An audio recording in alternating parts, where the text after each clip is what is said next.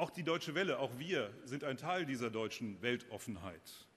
Die Weltoffenheit, die wir nach draußen spiegeln, prägt auch den Alltag in unserem Sender. Menschen aus 60 Nationen produzieren journalistische Inhalte in 30 Sprachen. Innerhalb unserer Mitarbeiterschaft sind alle Weltreligionen vertreten. Glaube und Herkunft sind sehr unterschiedlich. Aber alle verbindet eine gemeinsame Haltung, die Idee von Freiheit und Menschenrechten, Demokratie und Toleranz. Das sind die Werte, für die Deutschland und die Deutsche Welle in der Welt stehen.